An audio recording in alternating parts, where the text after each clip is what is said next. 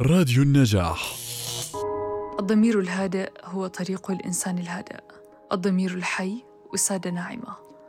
الضمير السوي هو أفضل صديق للإنسان. حسبك من السعادة في هذه الدنيا ضمير أقي ونفس هادئة وقلب شريف وأن تعمل بيديك. هذه المقولات تصف أهمية الضمير الحي.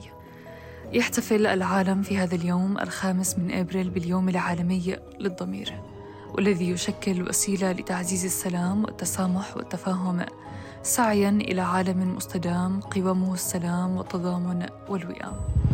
احتفالا بهذا اليوم تدعو الأمم المتحدة جميع الدول الأعضاء وجميع المنظمات الدولية والإقليمية إلى بناء ثقافة السلام بمحبة وضمير.